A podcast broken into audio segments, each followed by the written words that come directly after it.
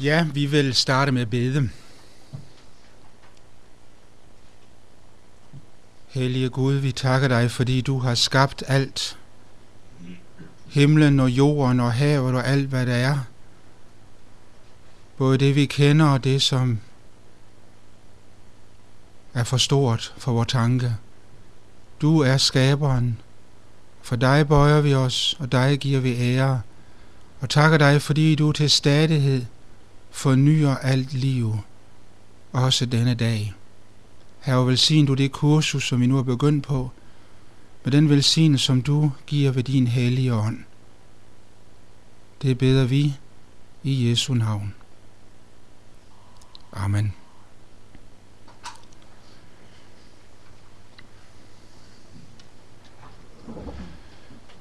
Ja, skabelse og kamp. Anlæggendet i Gamle Testamentets tale om skabelsen. Indledningsvis vil jeg begynde med en banalitet. Det allerførste udsagn i Gamle Testamentet er jo, at Gud skabte himlen og jorden. Det er sådan, Gamle Testamentet åbner med at berette om alting skabelse og om menneskets enestående placering. Og Gamle Testamentet begynder altså ikke med at berette om udvælgelsen af Abraham, eller om Israel i Ægypten og udfrielsen derfra. Den begynder med at berette om altings skabelse og hele menneskehedens fælles forhistorie. Og så det viser os, hvor vigtigt skabelsen er i Gamle Testamentets tale om Gud. Skabelsen er ikke underordnet forløsningen. Sådan som det ellers har været gængs at sige blandt ledende gammeltestamentler, for eksempel Gerhard von Rath og hans elever. Der har det været øh, en tendens, at man har understreget, at i de ældste dele af beskrivelsen af Guds gerning i Gamle Testamentet, er der ingen referencer til skabelsen. Altså er skabelsen noget sekundært i forhold til beretningen om forløsningen og befrielsen og Israels tilblivelse. Men skabelsen nævnes beskrives forud for beretningen om forløsningen. Det vil sige, at skabelsen er forudsætningen for at tale om udvælgelsen og pakten. Pagtens Gud er himlens og jordens skaber. Og det vi altså skal have for os nu, det er, hvad er det særlige, som ligger Gamle Testamentet på sinde, når den taler om skabelsen. Så er der visse tekster i Gamle Testamentet. Dem finder vi især i Salmernes bog, i Jobs bog og hos Esajas. Der er visse tekster, som taler om skabelse og kamp, eller rettere sagt i modsat rækkefølge, kamp og skabelse. Og disse tekster sætter Guds skabelse i relation til en sejr, som han vandt over bestemte destruktive kræfter. Hvilken betydning har denne kamp og denne sejr for Gammeltestamentets tale om skabelsen? Gammeltestamentets særlige anlæggende, det kommer frem i det allerførste vers. I begyndelsen skabte Gud himlen og jorden. Genesis 1, vers 1. Det er det første, som Gammeltestamentet har at sige om Gud. At han har skabt alt. Himlen og jorden. Både den usynlige verden og den synlige. Både det vældige himmelvælv og den mindste del på jorden. Både det, som ligger helt uden for vores horisont og fatte, og så den verden, der er min, himlen og jorden. Og resten af kapitel 1 i første Mosebog udfolder så i en stærk, stiliseret beretning, hvordan Gud aktivt og bevidst skabte hver eneste delelement. Både det, der ikke bevæger sig, og det, der bevæger sig. Første til tredje skabelsesdag beskriver rammerne, de ubevægelige dele, så at sige. Lyset, velvingen, den tørre jord, planterne. Og fjerde, sidste, sidste sjette skabelsesdag beskriver så det, som bevæger sig. Himmellæmerne, fisk og fugle, dyrene på landjorden, og til slut mennesket. Og der er intet af det, som er, som ikke skyldes Gud. Dette anliggende, at Gud har skabt alt, det træder nok tydeligere frem, når vi sammenligner med skabelsesfortællinger fra den verden, hvor Gammeltestamentet blev til. For os er det en banalitet. Det var det ikke i Israels kontekst. Skabelsesmyterne fra Israels omverden begynder, de er alle sammen forskellige, ganske forskellige, men de har nogle fælles træk. Og et af dem er, at de begynder med at fortælle om, hvordan alting bliver til ved, at modsætninger mødes. Himmel og jord, ferskvand eller saltvand og andre dele af modsætninger mødes. Ud af det, denne modsætning vokser de første guder frem. På græsk jord det titanerne. I på babylonisk jord, der er det kæmperne, kaosguderne. Og der skiltes videre om gudernes indbyrdes kampe, før vi nærmest som et apropos når frem til skabelsen af jord, af mennesker og af dyr. Dette ved Gamle Testamentet intet om. Det, der siges om Gud, det er, at han skabte alt fra begyndelsen. Hvad var der før begyndelsen? Der var Gud. Gud og hans ånd. GT's videre anlæggende er så at understrege, at Gud er forskellig fra det, han har skabt. I begyndelsen skabte Gud. Gud er forud for skaberværket. Han er uafhængig af det.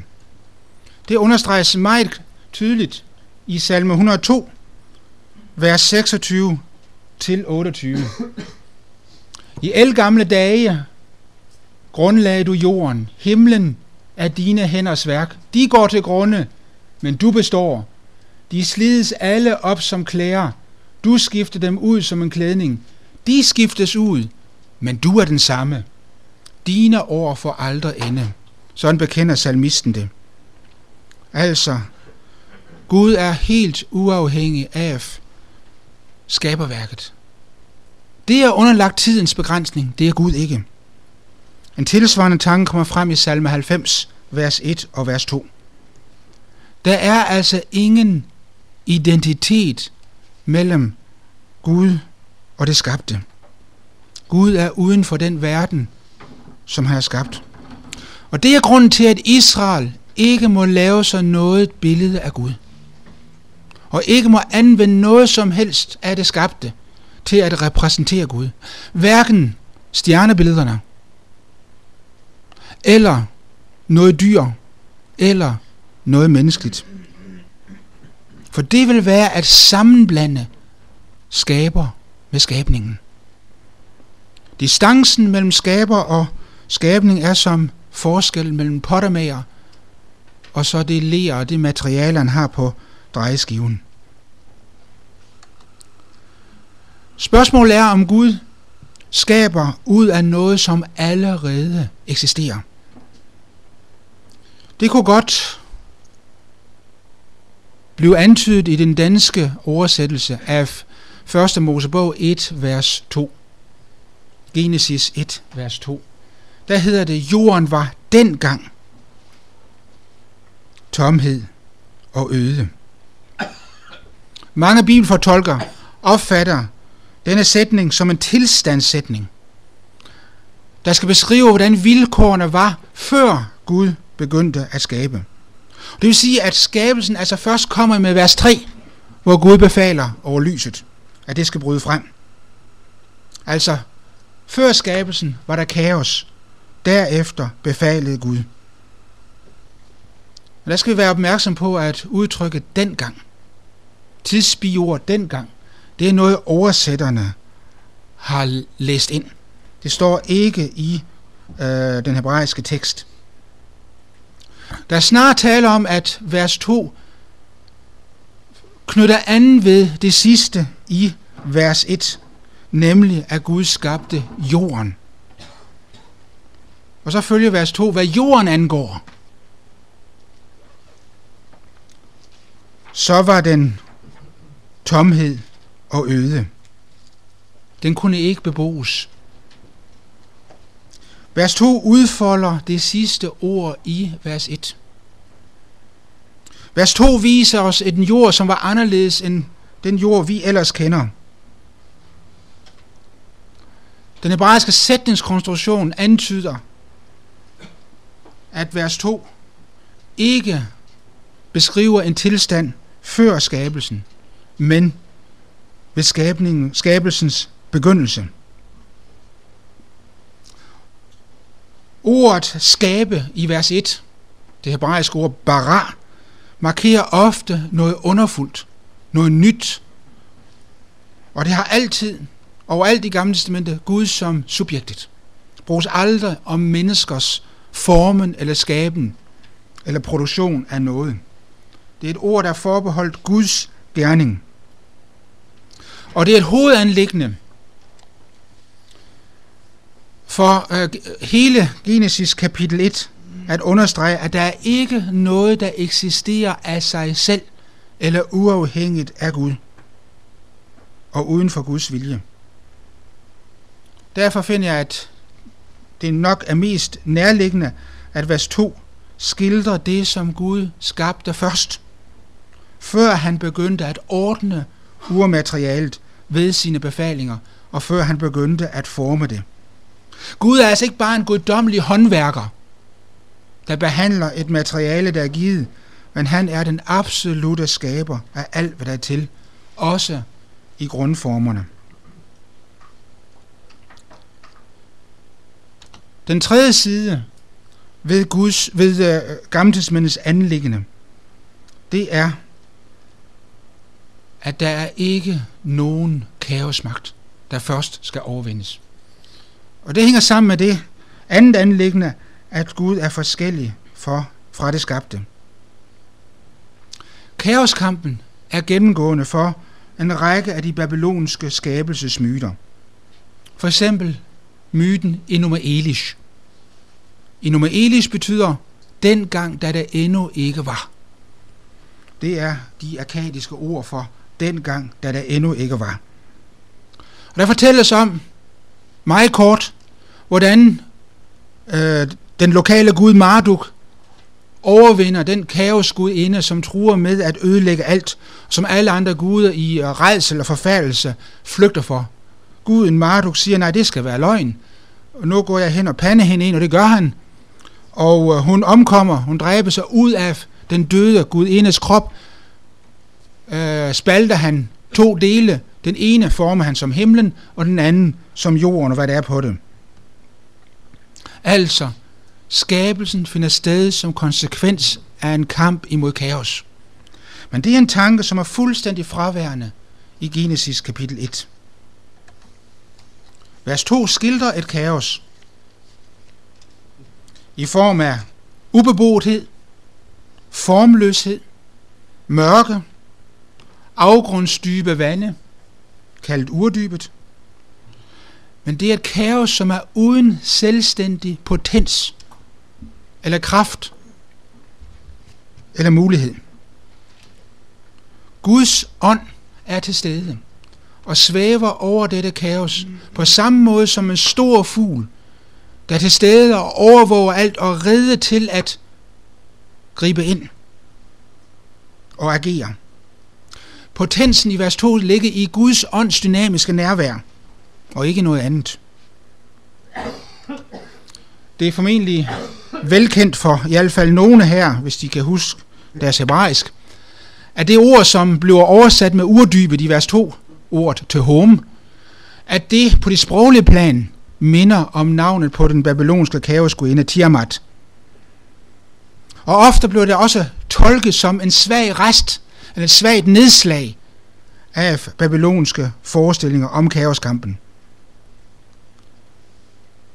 Problemet er bare, at det sprogligt set er rent ud umuligt at aflede navnet for urdybet til home af navnet på den babylonske kaosgudinde. Det strider imod al lingvistisk øh, praksis. Første Mosebog 1 er udpræget antimytisk. Sol og måne kaldes ikke sol og måne, men kaldes for det store lys og det lille lys i vers 14, i vers 16. Og selv de største havdyr, de er utryggeligt skabte ifølge vers 21. Skabelsesberetningen formidler et syn på skaben, som er helt igennem antidualistisk. Det vil sige, at det ikke er en konflikt og en spændingsforhold mellem to parter. Der er ingen modsætning til skaberen, og der er ingen, der står skaberen imod. Og det betyder videre, at Gamle Testamentet ikke bare i 1. Mosebog 1, men igennem hele Gamle Testamentet gør op med den tanke, at naturen skulle være guddommelig. Og at naturens kræfter er guddommelig. Det er en tanke, som er udbredt i hele Nærorienten og i øh, videre ud. Men fra Gamle Testamentet er naturen skabt af Gud, men ikke guddommelig. Men når Gud ikke skaber gennem kamp, så skaber han på en anden måde, nemlig ved at befale. Gud er den konge, der byder. Og hans ord har en skabende og livgivende magt. Og hele skaberværket reagerer på befalingen. Og det er måske en pointe for forfatteren til 1. Mosebog 1, at Gud skaber ubesvært, bare ved at byde. Eller som det fremgår af salme 33, vers 6. Ved Herrens ord blev himlen skabt, hele dens mangfoldighed ved et pust fra hans mund. Og videre i vers 9. For Gud talte, og det skete. Han befalede, og det stod der. Samme tanke i salme 148, vers 5. Skaberen er absolut suveræn. Han er altings herre. Og en opståen og en bliven til i form af en tilfældig, blind, planløs videreudvikling af noget, som allerede eksisterer, det kender Gamle ikke. Det slog mig, da jeg sad og arbejdede med øh, temaet her. Gad vide, om Gamle overhovedet har et ord, der kan dække for begrebet udvikle, eller udvikling. Og det har Gamle faktisk ikke. Det kan være en tilfældighed. Gamle har heller ikke ordet religion, for eksempel. Men synes dog at være en del optaget af det. Så man skal ikke lægge alt i, at bestemte ord ikke forekommer. Men selve tanken om en udvikling, når vi taler om tilblivelsen, synes at være fjern fra Gamle Testamente. Ifølge 1. Mosebog 1 skabte Gud planter og dyr efter deres arter. Det vil sige efter deres slags, eller efter deres type. Det hebraiske ord, som er oversat med art her, øh, må ikke forvekslet med den moderne videnskabeligt biologiske brug af ordet art. Men det betyder på den anden side, at da Gud skabte, skabte han plante- og dyreriget med en omfattende artsdiversitet En række forskellige typer. Gud skabte i udgangspunktet en verden, der var mangfoldig. Det femte træk ved Gammeltidsmændens anlæggende, det er at sige, at skabelsen er god. Efter hver eneste skabelsesdag siges det, Gud så, at det var godt. På den tredje og på den sjette dag siges det endda to gange. Og da, da menneskets skabelse er ført til ende på den sidste dag, så hedder det i vers 31, Gud så alt, hvad han har øh, skabt, og han så, hvor godt det var. Gud så, at det var helt igennem godt. Den her vending, Gud så, hvor godt det var, findes i en anden sammenhæng i Gamle som er interessant. Nemlig i Dommerbogen kapitel 18, hvor en delegation er sendt ud af den øh, øh, jordløse danstamme for at finde en lokalitet, hvor man kan slå sig ned. Og delegationen vender tilbage, efter man har undersøgt forskellige muligheder, og siger, jamen langt, langt mod nord er der en lokalitet. Vi har set, at den er uendelig god. Nøjagtigt samme formulering som her i 1. Mosebog 1, vers 31. Det bygger på jagttagelse og konklusion. Gud så, at skaberværket var uendelig godt. Skabelsen var perfekt. Ikke bare efter menneskers målestok, men efter skaberens egen målestok. Den var fuldendt både med hensyn til skønhed og med hensyn til at kunne beboes. Og andre steder i Gamle Testamentet tales der om, at visdommen, Guds visdom var til stede ved skabelsen, fulgte skabelsen. Og visdommen jublede over skabelsen. Jublede over det, som foregik. Det vil sige, at skabelsen er udtryk for skaberens iboende glæde. Urhistorien beskriver så også videre, hvordan det onde kom ind i skaberværket. Og det fik så fatale følger, så Gud til sidst besluttede sig for at udrydde alt levende i form af en syndflod. Men det er et væsentligt anlæggende for urhistorien at understrege, at det onde ikke skyldes en defekt ved skabelsen. Det skyldes ikke, at der er en underliggende negativ potens, som hele tiden truer med at omstyrte skabelsen. Nej, siger Genesis, første Mosebog, det onde kom ind på grund af ulydighed. Fordi mennesket lod sig lokke ind i et oprør imod skaberen selv. Og ud af det der oprør fulgte så lidelse, smerte, undertrykkelse og død for hele skaberværket, for mennesket og for dets omgivelser. Og det er det, som Gamle Testamente, resten af Gamle Testamentet understreger på stærkeste vis. Også her taler Gamle Testamentet et andet sprog end myterne. Myterne siger, at det onde er en kaosmagt, som bestandigt truer og skal bekæmpes ved, at myten gennemspilles i kulten. Nej, siger Gamle Testamentet. Det onde skyldes mennesket, som, som lod sig lokke ind i et oprør imod skaberen. Men selv her, efter oprøret, beholder skaberen al magt ifølge Gamle Testamente. Fordi skaberen nu tager det, som er ham imod, og som ingenlunde er et udtryk for hans vilje, nemlig lidelse, forkrænkelighed og død. Det tager han og anvender i sin gerning med det skabte. Når han fælder dom. Amosbogens øh, lovprisende udsagn Amos 4, vers 12, kapitel 5 og kapitel 9 osv., udtrykker, at den Gud, som skaber ly, lys og giver liv, er også den Gud, som sender mørke og lader oversvømmelser komme over jorden. Skaberen er dommeren.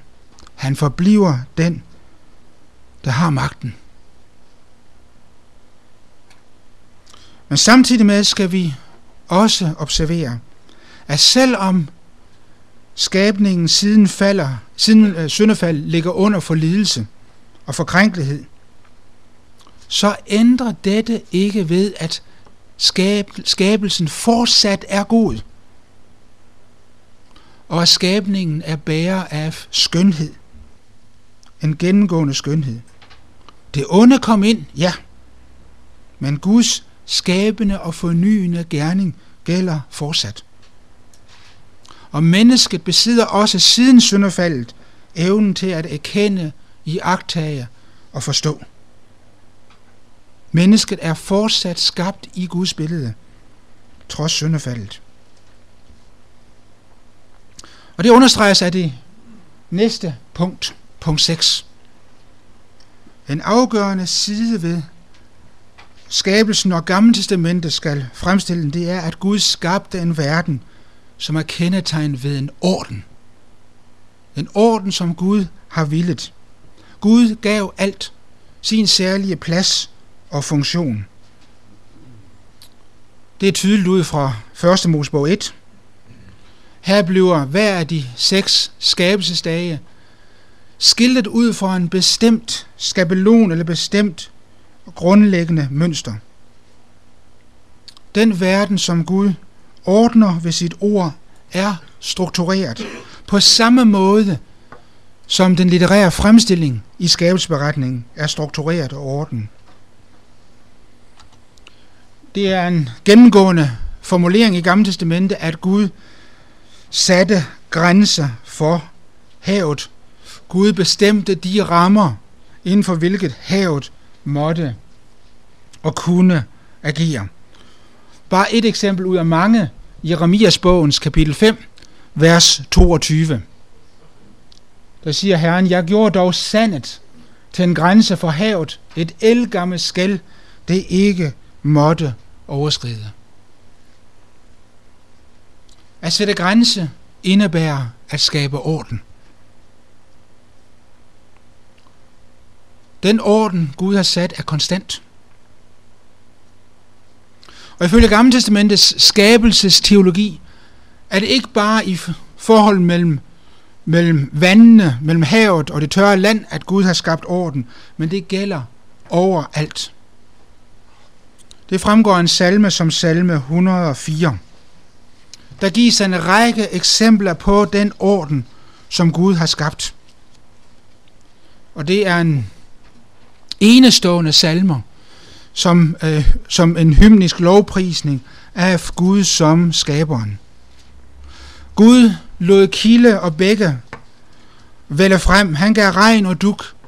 Og alt disse forskellige eksempler på væde på jorden og væder ovenfra, de tjener de formål, som Gud har vildt det. Vers 10-18. Dyrene har hver deres særlige habitater. Vers 18. Selv dyrene, der lever ude i den stenede ørken, lever i de kontekster, som Gud, som skaberen, har sat for det. Måne og sol udfylder de funktioner, skaberen gav dem, så at døgnet veksler mellem dag og nat. Vers 19 til 23. Og selv havet, som har en overvældende variation af liv, Langt mere end noget menneske er i stand til at gennemskue. Selv havet har Gud skabt med orden. Den samme orden, som gælder for mennesket, når mennesket er i stand til at besejle havene, den samme orden gælder livet i havet. Profeten Jeremias taler om, at Gud satte love for himmel og jord. Jeremias 31, vers 35 og vers 36. Dette siger Herren, Han, som satte solen til at lyse om dagen og bestemte månen og stjernen til at lyse om natten. Han, som pisker havet op, så bølgerne larmer. Herskars herre er hans navn. Vers 36. Kun hvis disse mine bestemmelser kunne brydes, siger Herren, så ville Israels slægt ikke længere bestå. Den orden Gud har sat, det er Guds bestemmelser. Guds love. Disse love er ikke blinde lovmæssigheder, men det er et udslag af skaberens gode omsorg for hele skaberværket. Det ord, der er brugt her, det er det samme ord, som bruges, når Gud giver befalinger og sætter ordninger for menneskelivet. Guds befalinger og bud, ruk, som det hedder på hebraisk, det er det samme, som her anvendes om skabelsesordenen. Det vil sige, at den orden, Gud skaber og lægger ind i skabelsen, er uløseligt forbundet med en, den moralsk, etiske orden. Gud vil, at samfundet skal være styret af ret og retfærdighed. Et gennemgående udtryk i Gamle Testamentets etiske vejledning. Ret og retfærdighed. Og skabelsens orden og samfundets orden, det er en del af den samme hele orden. Når konger og herskere styrer med retfærdighed, så fremmer de skaberens orden, som han ønsker det.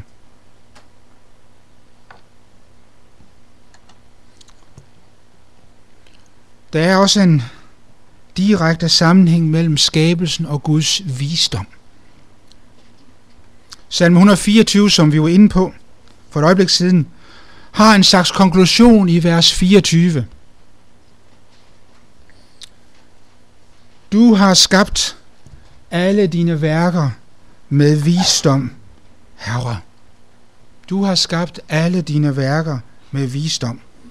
Det hebraiske ord er chokmah, og af en eller anden grund, så har computeren her altså valgt, at det skulle kvæles.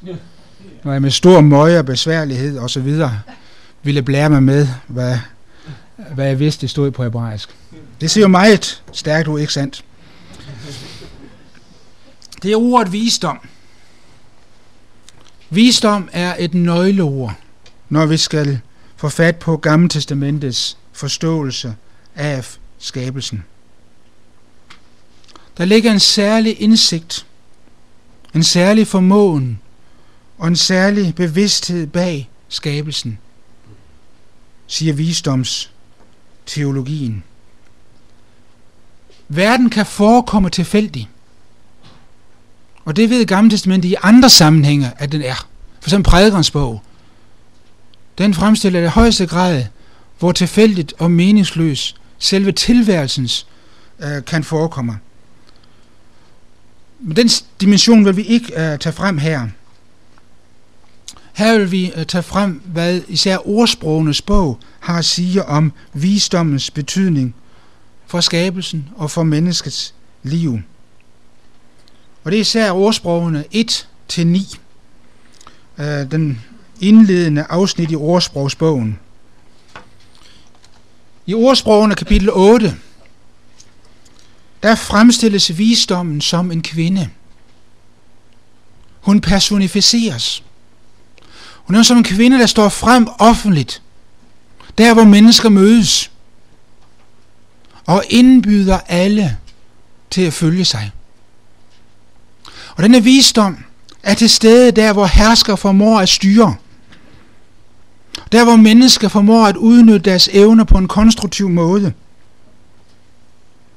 i vers 22-30 siger visdommen om sig selv, at hun ikke bare er skabelsesimmanent, altså en del af det skabte, men hun er til stede, var til stede, før Gud overhovedet begyndte at skabe. Vers 22. Som begyndelsen på sine handlinger skabte Herren mig. Som det første af sine værker dengang. Som begyndelsen på sine handlinger skabte Herren mig. Visdommen er det første. før Gud i øvrigt begyndte at skabe. Vores danske oversættelser har valgt at gengive med skabe. Det har en lang praksis, det har en dog øh, rødder langt tilbage i kirkehistorien, at forstå vers 22 øh, som skabelse. Jeg mener, det er misvisende, det er uheldigt, det er øh, næppe tilfældet. Det er ikke de normale ord for at skabe, der er anvendt her. Det er ikke det ord, vi møder igen og igen i 1. Mosebog 1, at Gud skabte. Altså verbet bara. Skabe, det er det, det, er det entydige ord for skabelse. Det er ikke det, vi møder her i ordsprogene 8, vers 22. Det er heller ikke de andre normale ord for at udføre noget, gøre noget, udrette noget, forme eller danne. Der har vi en helt klynge af, af verber. Det er ingen af disse, Salomo tager frem her, når han skal udfolde, hvad visdommen betyder. Det er et ord, som hedder kanar.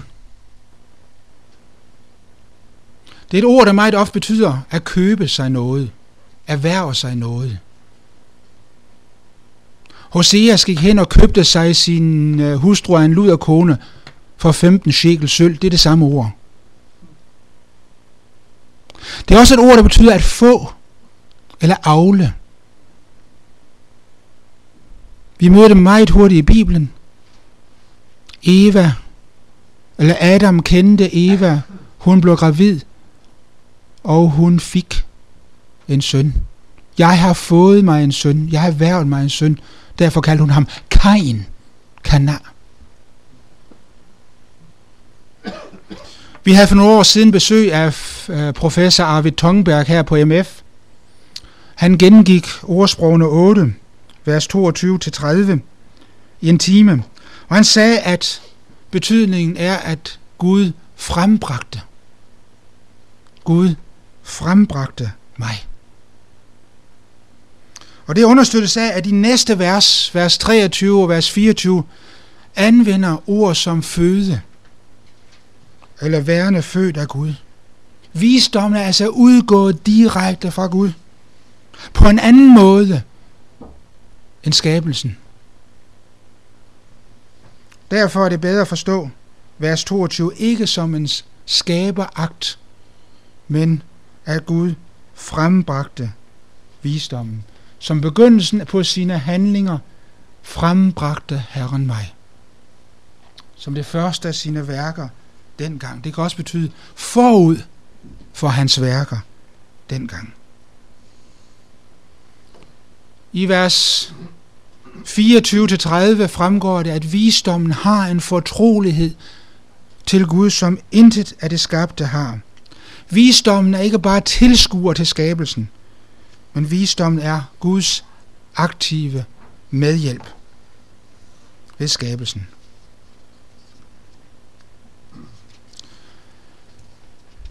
Jeg tror, vi holder pause nu, og efter pausen og vende tilbage, skal vi se på andre sider ved Gamle Testamentets anlæggende om skabelsen.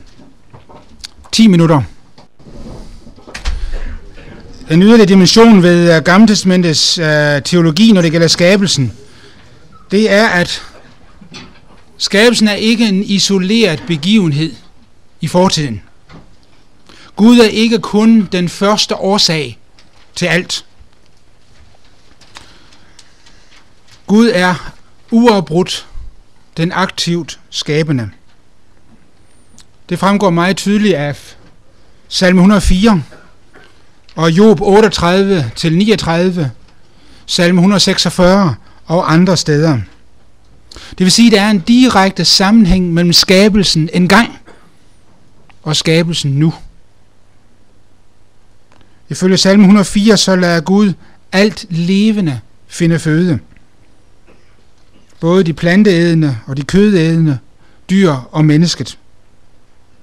Og dyrs og menneskers evne til at udnytte de forskellige muligheder, som der er, det skyldes skaberen. Fra klassisk tid har man kaldt denne side ved skabelsen for Guds creatio continua. Guds vedvarende skabelse. Guds fortsatte skabelse. Gammeltidmændene synes at bruge et, et lidt andet ord, nemlig fornyelse. Salme 104, vers 30. Du gør jorden ny, hedder det. Gud fornyer uafbrudt livet på jorden. Et eller andet sted så kan jeg bedre lide det udtryk. At Gud fornyer jorden igen, og fornyer livet igen og igen. Naturen vil øjeblikkeligt falde tilbage til en tilstand af tomhed og øde, hvis ikke Gud kontinuerligt velsigner og giver liv til alt levende. En verden, der består i kraft af sig selv, og kun udvikles i som følge af forskellige iboende kræfters tilfældige samspil. Det er helt fremmed for Gammeltestamentet. Det vil i praksis betyde en fornægtelse af skaberen. Kosmos blev ikke bare til på Guds befaling, men den fornyes til stadighed ved det samme befaling. Salme 147, vers 15 og de næstfølgende vers. Når vi taler om gammeltidsmænds anlæggende, når det gælder skabelsen, så må vi også have med, at det skabte afslører Guds herlighed. Det skabte afdækker Guds herlighed. Både himmelvælvet i dets majestæt og dyrs og menneskers gudgivende liv, det spejler Guds skønhed og Guds herlighed. Guds herlighed træder altså ikke kun frem ved åbenbaringen. Og ikke kun til stede ved sin forfærdelige magt i helligdommen. Men Guds herlighed er synlig i skabelsen. Salme 8, vers 2, som vi får lejlighed til at vende tilbage til i morgen. Den indleder med ordene, og den slutter med de samme ord. Herre, hvor Herre, hvor herligt er dit navn over hele jorden, du som har bredt din pragt ud på himlen. Og David tænker jo her først og fremmest på, på himmelvælvet i alt dets majestæt. Og en lang række andre salme taler tilsvarende sprog. Salme 19, salme 33, salme 104. Og det siges vel at mærke om skaberværket, som den fremtræder nu. Det er ikke sagt om tilstanden før syndefaldet. Guds væsen og Guds storhed bliver synlig ved, at de agtager skabningen, siger Gamle Testamentet. Og disse ni forskellige anlæggende, som jeg her drager frem, får nogle konsekvenser. Og dem kan vi kun lige antyde. For det første, så er skaberen den mægtige Gud. Den forfærdelige Gud. En Gud, hvis kraft og virkelighed overgår menneskers fatteevne. Han er ikke konstruktion af menneskers tanker, men indbegrebet af al virkelighed. Det andet, som Gammeltestamentets skabelsesforståelse understreger, det er, at skaberen alene er Gud. Og menneskers såkaldte guder er enten tomhed og indbildning, tidsspilde, eller de er dæmoniske magter. Som eksempel kan nævnes salme 96, Esajas 40-48. Ingen kan sammenlignes med Gud. For det tredje, det betyder, at skaberen derfor bør æres af et hvert menneske, fordi han er skaberen, salme 96. Gud er den retfærdige konge, som selv vil sætte sin retfærdige ordning igennem, og han vil dømme alle mennesker ud fra den samme retfærdige standard, som han har lagt ned for, skab, for skabelsen. Meget mere kan siges. Meget mere bør føjes til. Vi har slet ikke været inde på menneskets særstilling. At være skabt i Guds billede. Øh, men der er en anden dimension, vi må have med. Og det er kampen. Så vidt jeg kan se, det har Gamle et markant og tydeligt sigte, som går ud på, at skabelsen ikke er dualistisk. Og at Gud ikke former tilværelsen efter at have overvundet bestemte kaosmagter. Men der er midlertid et andet, et andet sprog, en anden udtalelse i Gamle Testamente. Der er faktisk visse tekster, som taler om en voldsom kamp mellem på den ene side Gud, og på den anden side bestemte kaosmagter. Under tiden kaldes disse magter ved navn. Det kan være Rahab, det kan være Leviathan, det kan være dragen i havet, det kan være den flugtsnare slange, eller hvad det nu er disse navne. Og det er ofte sådan, at denne kamp synes at finde sted i havet, eller i forbindelse med havet, eller under tiden, så kan havet selv være Guds modstander. De væsentligste af disse tekster, de er salme 89, vers 10-12, salme 74, vers 12-17,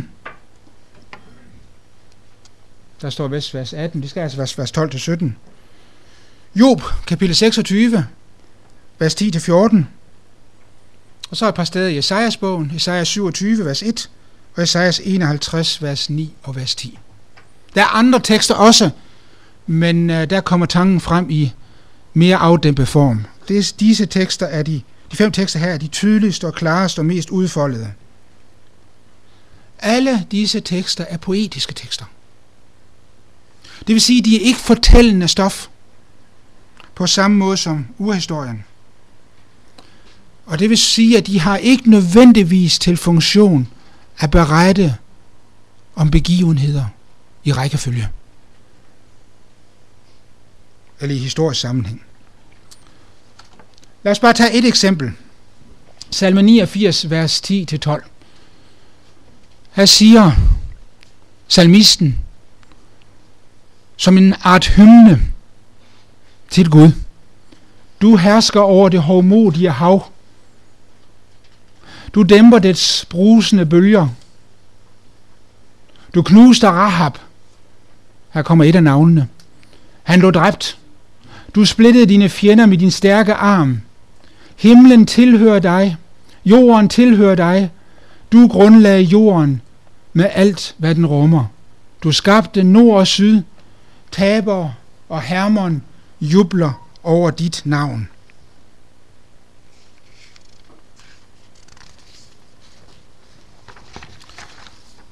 Disse tekster har en lang række fællestræk, som, er, som gælder dem alle, og som er med til at binde dem sammen, og som gør, at vi kan se dem under et.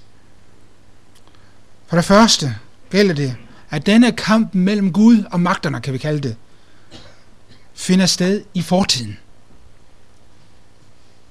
Salme 89, vers 11. Salme 74, vers 12 følgende. Job 26. Eller Esajas 51 siger, at det skete i elgamle tider. Fælles for dem er også, at denne kamp finder sted enten i havet eller imod havet. Skueplads for kampen er havet. Og Guds modstandere synes at være havuhyre af substantielle dimensioner. Et tredje fælles punkt er, at Gud besejrer disse kaosmagter totalt. Gud knuste Rahab, salme 89, vers 11. Han knuste Leviathans hoveder, salme 74, vers 13. Han knuste videre dragehovederne på, land, på, på vandet. Det er tre forskellige ord, som hver er oversat med øh, ordet knuse øh, i den danske oversættelse. Men det er altså tre forskellige hebraiske ord. Fiskene i vandet fik så stumperne af dragerne at spise, som 74. Job 26 talte om, at Gud knuste Rahab, igen et nyt ord. Han genborede slangen. Og tilsvarende i Esajas 51, vers 9. Sejren, som Gud vandt, skyldes Guds mægtige kraft. Og endelig Esajas 27. Gud vil smadre og dræbe dragen, dragen i havet. Altså overalt en overvældende, total og tilintetgørende sejr. Og endelig et fjerde punkt, det er, at den umiddelbare kontekst, det er Guds, for Guds definitive sejr er skabelsen. Salme 89, vers 12, taler straks efter Guds kamp om, at Gud grundlagde jorden, og han skabte bara, det, øh, det typiske teologiske ord. Han skabte nord og syd. Det samme gælder salme 74. Efter beretningen, eller efter lovprisen af Guds sejr over magterne, over Leviathan, og hele det mangehovede uhyre, så hedder det, vers 16, salme 74, vers 16, din er dagen, og din er natten. Du har givet solen og månen deres plads. Og slår vi op i Job 26, så vil vi se, at beretningen om kampen finder sted i sammenhæng med Guds herredømme over naturen. Guds magt over himlens vande og havets vande. Det er kun Esajas, som ikke forbinder kamp med skabelse. Esajas har ingen skabelsesteologi eller skabelsesbemærkninger i tilslutning til kampen.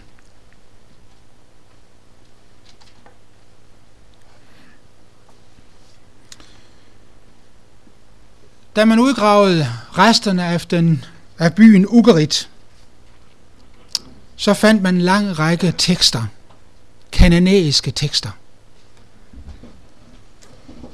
Og et af teksterne har et indhold, som minder slående om Esajas 27, vers 1. Jesaja 27 siger profeten, på den dag straffer Herren med sit skarpe, store, stærke svær, Leviathan, det var den samme øh, skikkelse, som vi mødte i salme 74, Leviathan, den flugtsnare slange, Leviathan, den bugtede slange, han dræber dragen i havet.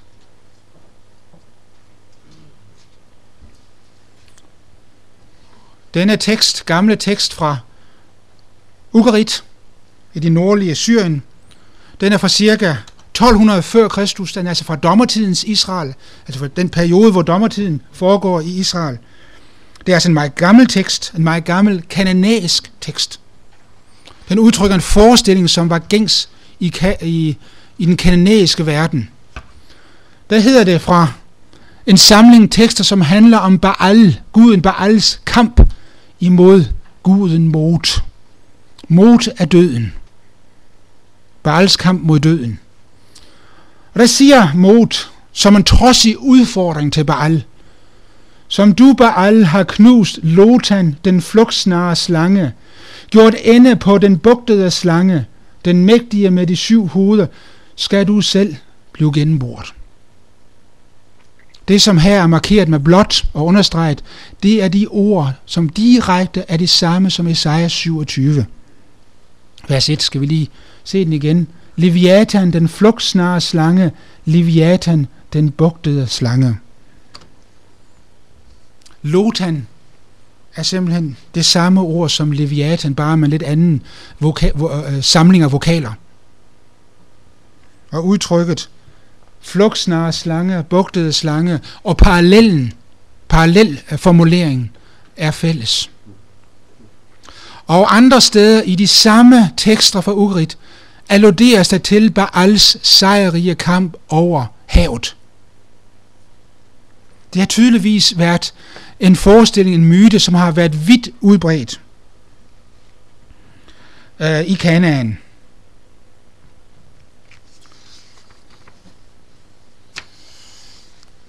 Overalt er tale om Baal overvinder og besejrer uhyre i havet eller havet selv.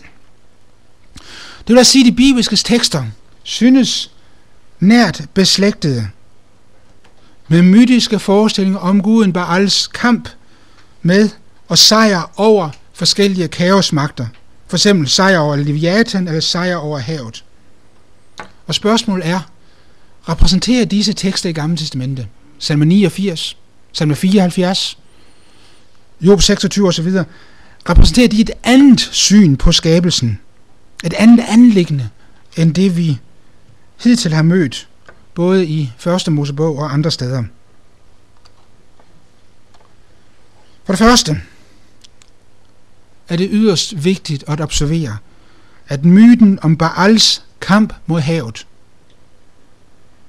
den har ikke skabelsesteologiske konsekvenser i de, i de ugaritiske tekster. Myten er ikke nogen skabelsestekst. Og myten om Baals sejr fører ikke til en beretning om hans efterfølgende øh, skaberrolle. Konflikt og skabelse er så langt jeg kan se ikke forbundet i de kananæiske tekster fra Ugarit. Vi møder denne kombination i Gamle Testamentet, det er rigtigt. Vi møder den i salme 89 og salme 74, men så vidt vi ved, ikke i Kanaan. Så vidt vi kan bedømme ud fra de kendte tekster. Det er måske et vigtigt momentum, fordi det meget ofte blandt visse bibelfortolkere bliver fremstillet som om, at det var en udbredt sammenhæng i den vestsemitiske verden. Sammenhæng mellem kaos, kamp og sejr og skabelse. Det er det ikke uden videre. De ukritiske tekster støtter det ikke.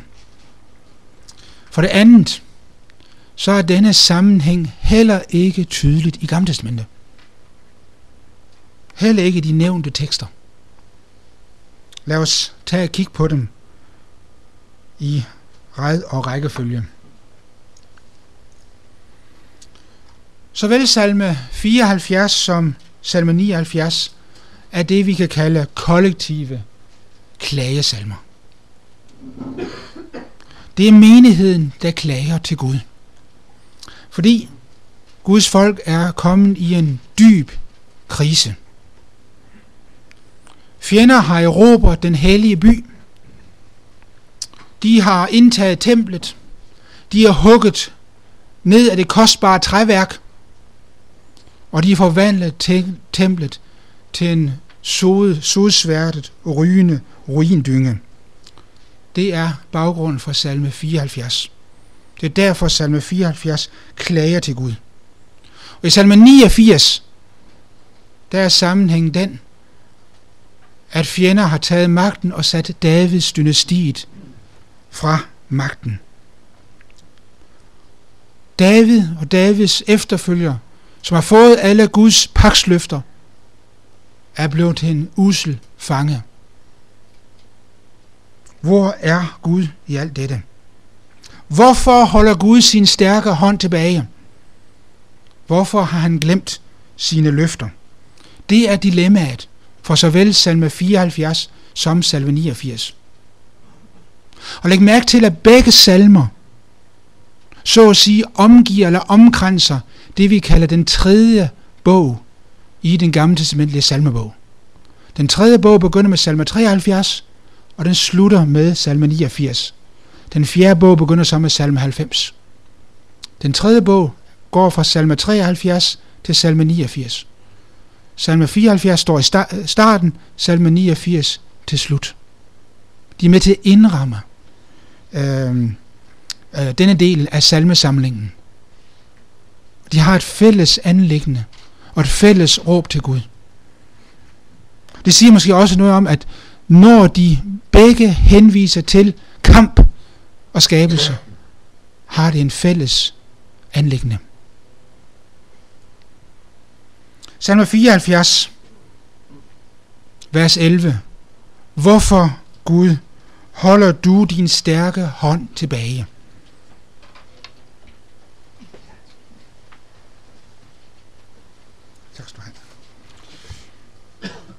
Hvorfor trækker du din hånd tilbage og holder din højre skjult i kappefolden? Guds magt er ikke længere synlig. Virkeligheden synes at modsige alt tale om, at Gud er den almægtige, og Gud er den trofaste. I vers 12 slår salmisten så over i en slags hymne, en slags lovprisning. Gud har fra elgammel tid været min konge. Israels konge og Israels hyrde. Og så følger en række udsagn om, hvad Gud gjorde.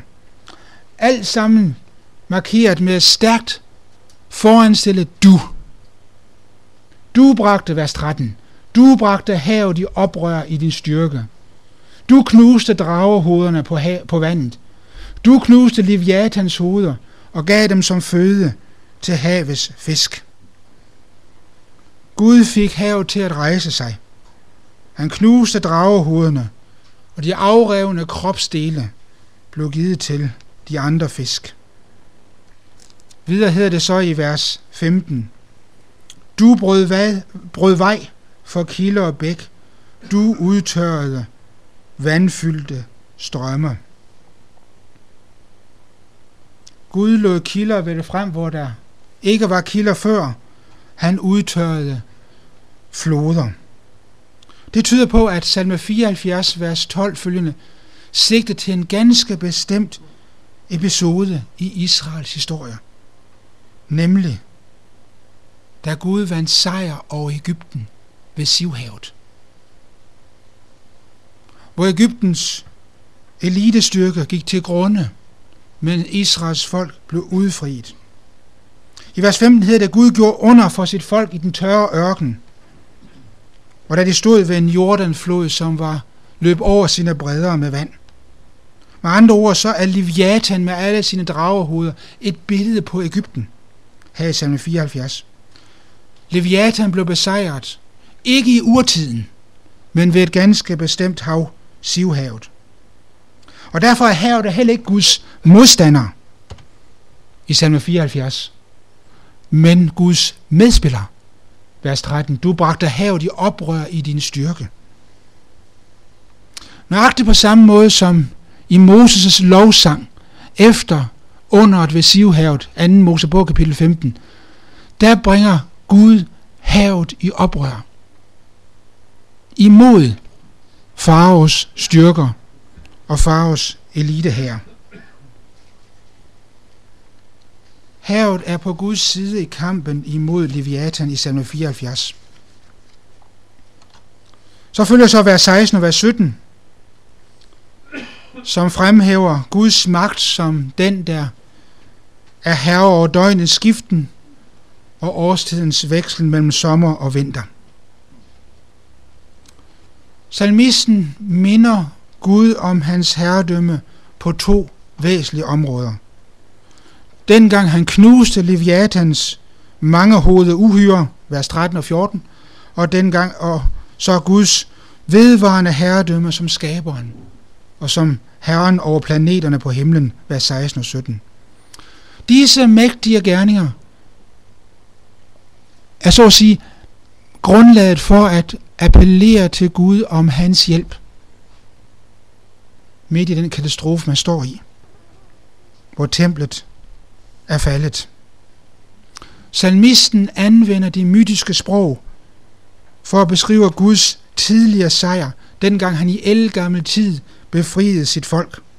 Eller som det hedder i vers 2, Husk din menighed, som du vandt i gamle dage. De stammer, du købte eller forløste, du løskøbte til ejendom. Det er det, som salme 74, vers 13 følgende omtaler.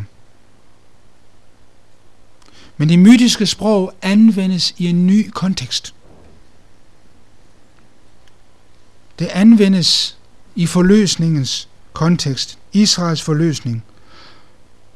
Og sejren over Leviathan er ikke knyttet sammen med skabelsen på anden måde, end at begge dele, såvel kampen mod kaosmagterne, som Guds vedvarende skabelse, begge dele skyldes Guds kraft. Begge dele bevidner Guds magt.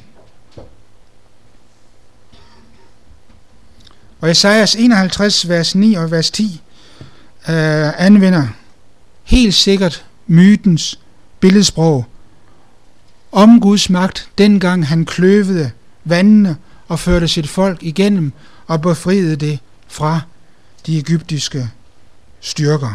De egyptiske styrker ses her som øh, uhyret i havet, som Gud overvandt. Og min pointe er altså en tilsvarende forståelse har salme 74. I salme 79, salme 89, undskyld, der klager, øh, klages der over, at Gud har svigtet sin pagt med David. Gud lovede, at der skulle herske, at der skulle være råde en, en særlig relation mellem David og Gud, og mellem Davids efterkommere og Gud. Og alligevel så holder salmisten fast i trods, næsten i trods ved, at der er ingen som Gud. Og der er ingen, der kan sammenlignes med Gud. Vers 9. Hvem er som du? Stærk er Herren. Og du er omgivet af din væsentligste attribut, nemlig trofasthed. Og som eksempel på Guds vældige styrke, som ikke kan sammenlignes, nævner vers 10 og vers 11 så, at Gud engang knuste Rahab og spredte sine fjender. Og som en yderligere eksempel på Guds magt, nævne så vers 12 og vers 13, at Gud er hele skaberværkets herre. Men hvad er sammenhængen imellem Guds sejr over Rahab og så Guds skabermagt? Denne sammenhæng er ikke tydelig.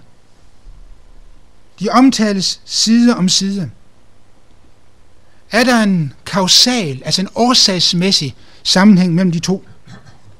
Sådan at kampen og sejren fører til, at skabelsen så kan finde sted. Det siger salme 89 faktisk ikke. Der er snarere tale om isolerede, selvstændige hændelser, som hver for sig illustrerer, at Gud er den suveræne, og at Gud har al kraft. Den kraft, som menigheden desperat længes efter at se virkelig gjort igen i Davids dynastiet. Der er ingen antydning af, at Gud skabte verden som konsekvens, eller som følge, eller som resultat af sejren over Rahab. Det er muligt, at salmisten havde det i tanker. Det kan jeg ikke afvise, men det er ikke markeret. Det afgørende for salmisten, det er vers 14, at begge dele viser Guds magt. Salme 89, vers 14, det har jeg ikke fået med. Din arm har kraft, din hånd er stærk, din højre er løftet, siger salmisten. Igen tages det mytiske sprog i anvendelse for at fastholde, at ingen har en kraft som Guds. Heller ikke der, hvor menigheden er kastet ud i krise. Den tredje tekst er Job 26, vers 11-14. Nej, vers 10 til 14 er det. Her er temaet igen Guds overvældende kraft. Og Job tager det ind som reaktion på vennerne, som er, taler for let om Gud. Gør Gud overskuelig. Præsenterer Gud som et forståeligt mønster. Og imod det fremholder Job så, hvad kapitel 26, i Job kapitel 26, at Guds kraft tåler ingen sammenligning. Igen nævnes kampen imod Rahab. Og igen tales der om den flugt snarere slange. Vers 13. Men her hos Job synes denne kamp at indgå i en skabelseskontekst. For i forbindelse med, at Gud sætter grænser om vandene, vers 10, og giver både vandene og det tørre land deres definerede områder, så tales det om, at Gud bekæmper Rahab og vinder sejr. I Jobs bog har Rahab intet med Ægypten at gøre. I Jobs bog er Rahab udelukkende et kaos uhyre. Det er først hos Esajas og i hvert fald salme 74, at Rahab bliver et billede på Ægypten. Også andre steder i Gamle Testamentet er Rahab et navn på Ægypten, men det er det ikke i Jobs bog. Her er det udelukkende en kaosmagt. Guds sejr skal understrege Guds uhyggelige storhed, og derfor bør Jobs venner ikke tale for nemt om Gud. Hvordan er sammenhængen så mellem kamp og skabelse i Gamle Testamente? Ja, for det første, i Esajas bogen er den slet ikke til stede.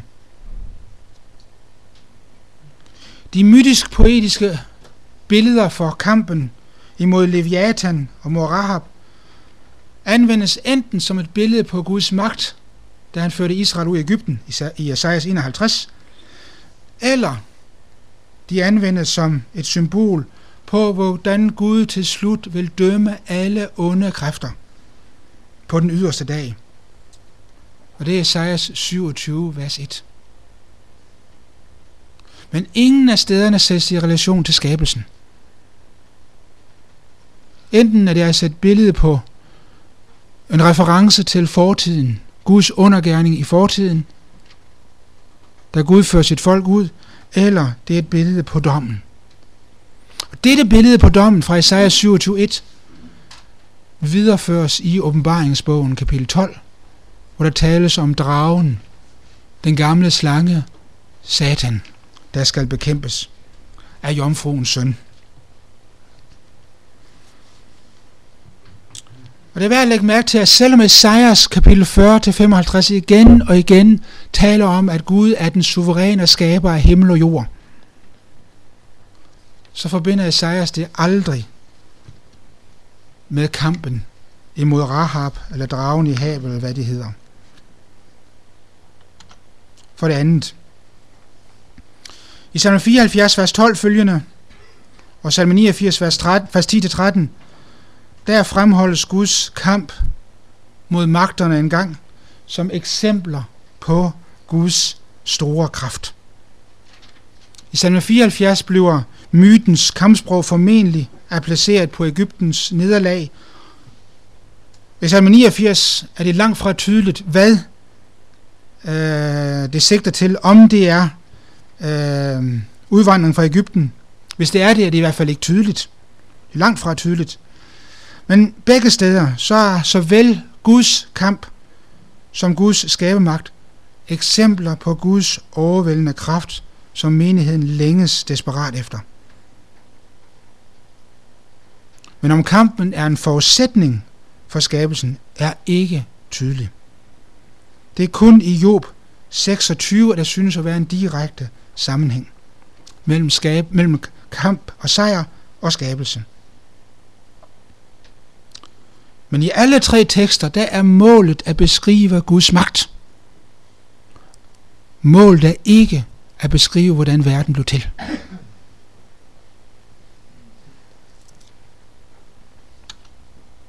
Gammeltestamentet har som sit gennemgående anlæggende at fremholde Gud som den suveræne skaber af alt, både det synlige og det usynlige. Skabelsen er antidualistisk. Skabelsen bliver ikke til som konsekvens af et opgør.